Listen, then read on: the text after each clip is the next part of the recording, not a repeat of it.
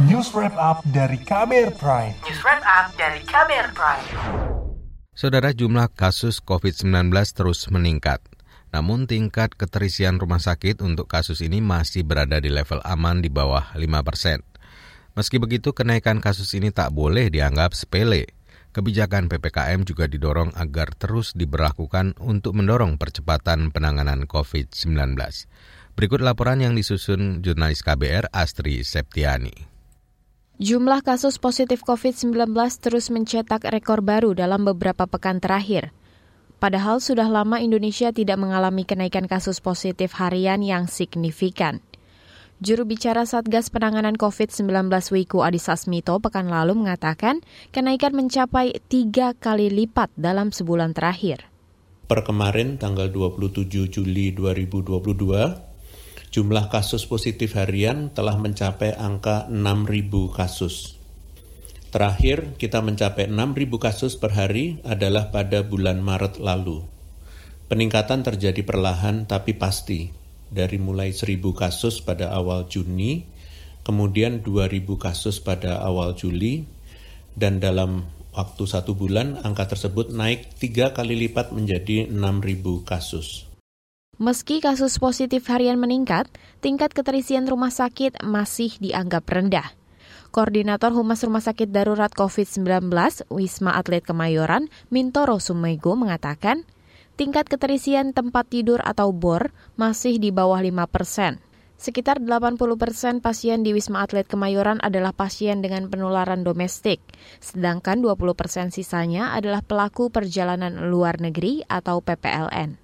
Per update hari ini pasien kita adalah 184 atau bornya itu di bawah 5% ya, bornya di bawah 5%. Dan pasien yang masuk hari ini 15 yang keluar ada 23 jadi pasiennya masih banyak yang keluar lah. Jadi ada pengurangan pasien sebanyak 7.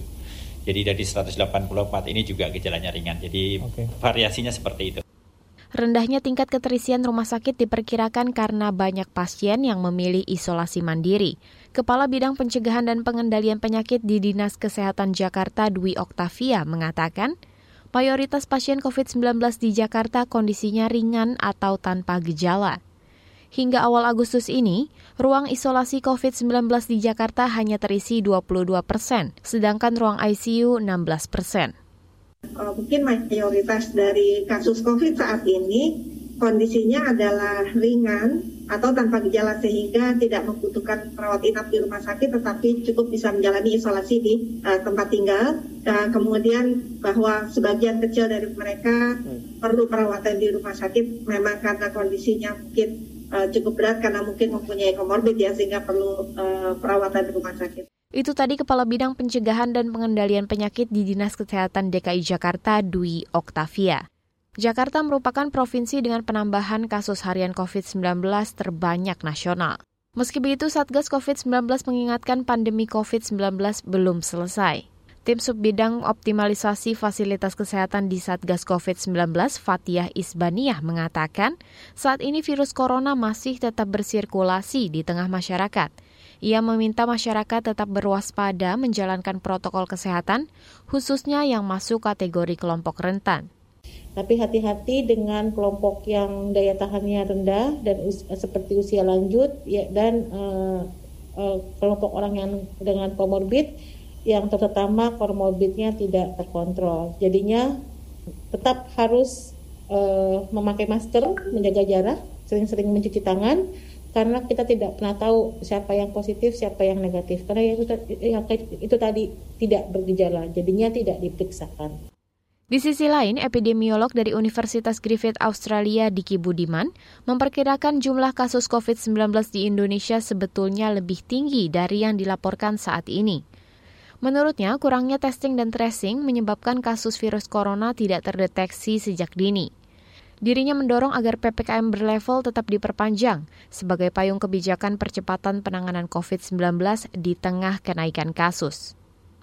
Nah, sekarang apakah perlu ini jadi level 3 teman? E, enggak, enggak. Cukup di level 2 pun sudah cukup ya. Di, di tengah modal imunitas yang saat ini sudah jauh lebih baik, PPKM itu sifatnya sebagai payung saja gitu. Dan uh, akselerasi yang apa isi esensi dari PPKM itulah yang lebih penting yaitu apa? Akselerasi dari intervensinya, penguatan, intensifikasi, ekstensifikasi dari 3T, 5M vaksinasi itu. Demikian laporan khas KBR, saya Astri Septiani. Kamu baru saja mendengarkan news wrap up dari KBR Prime.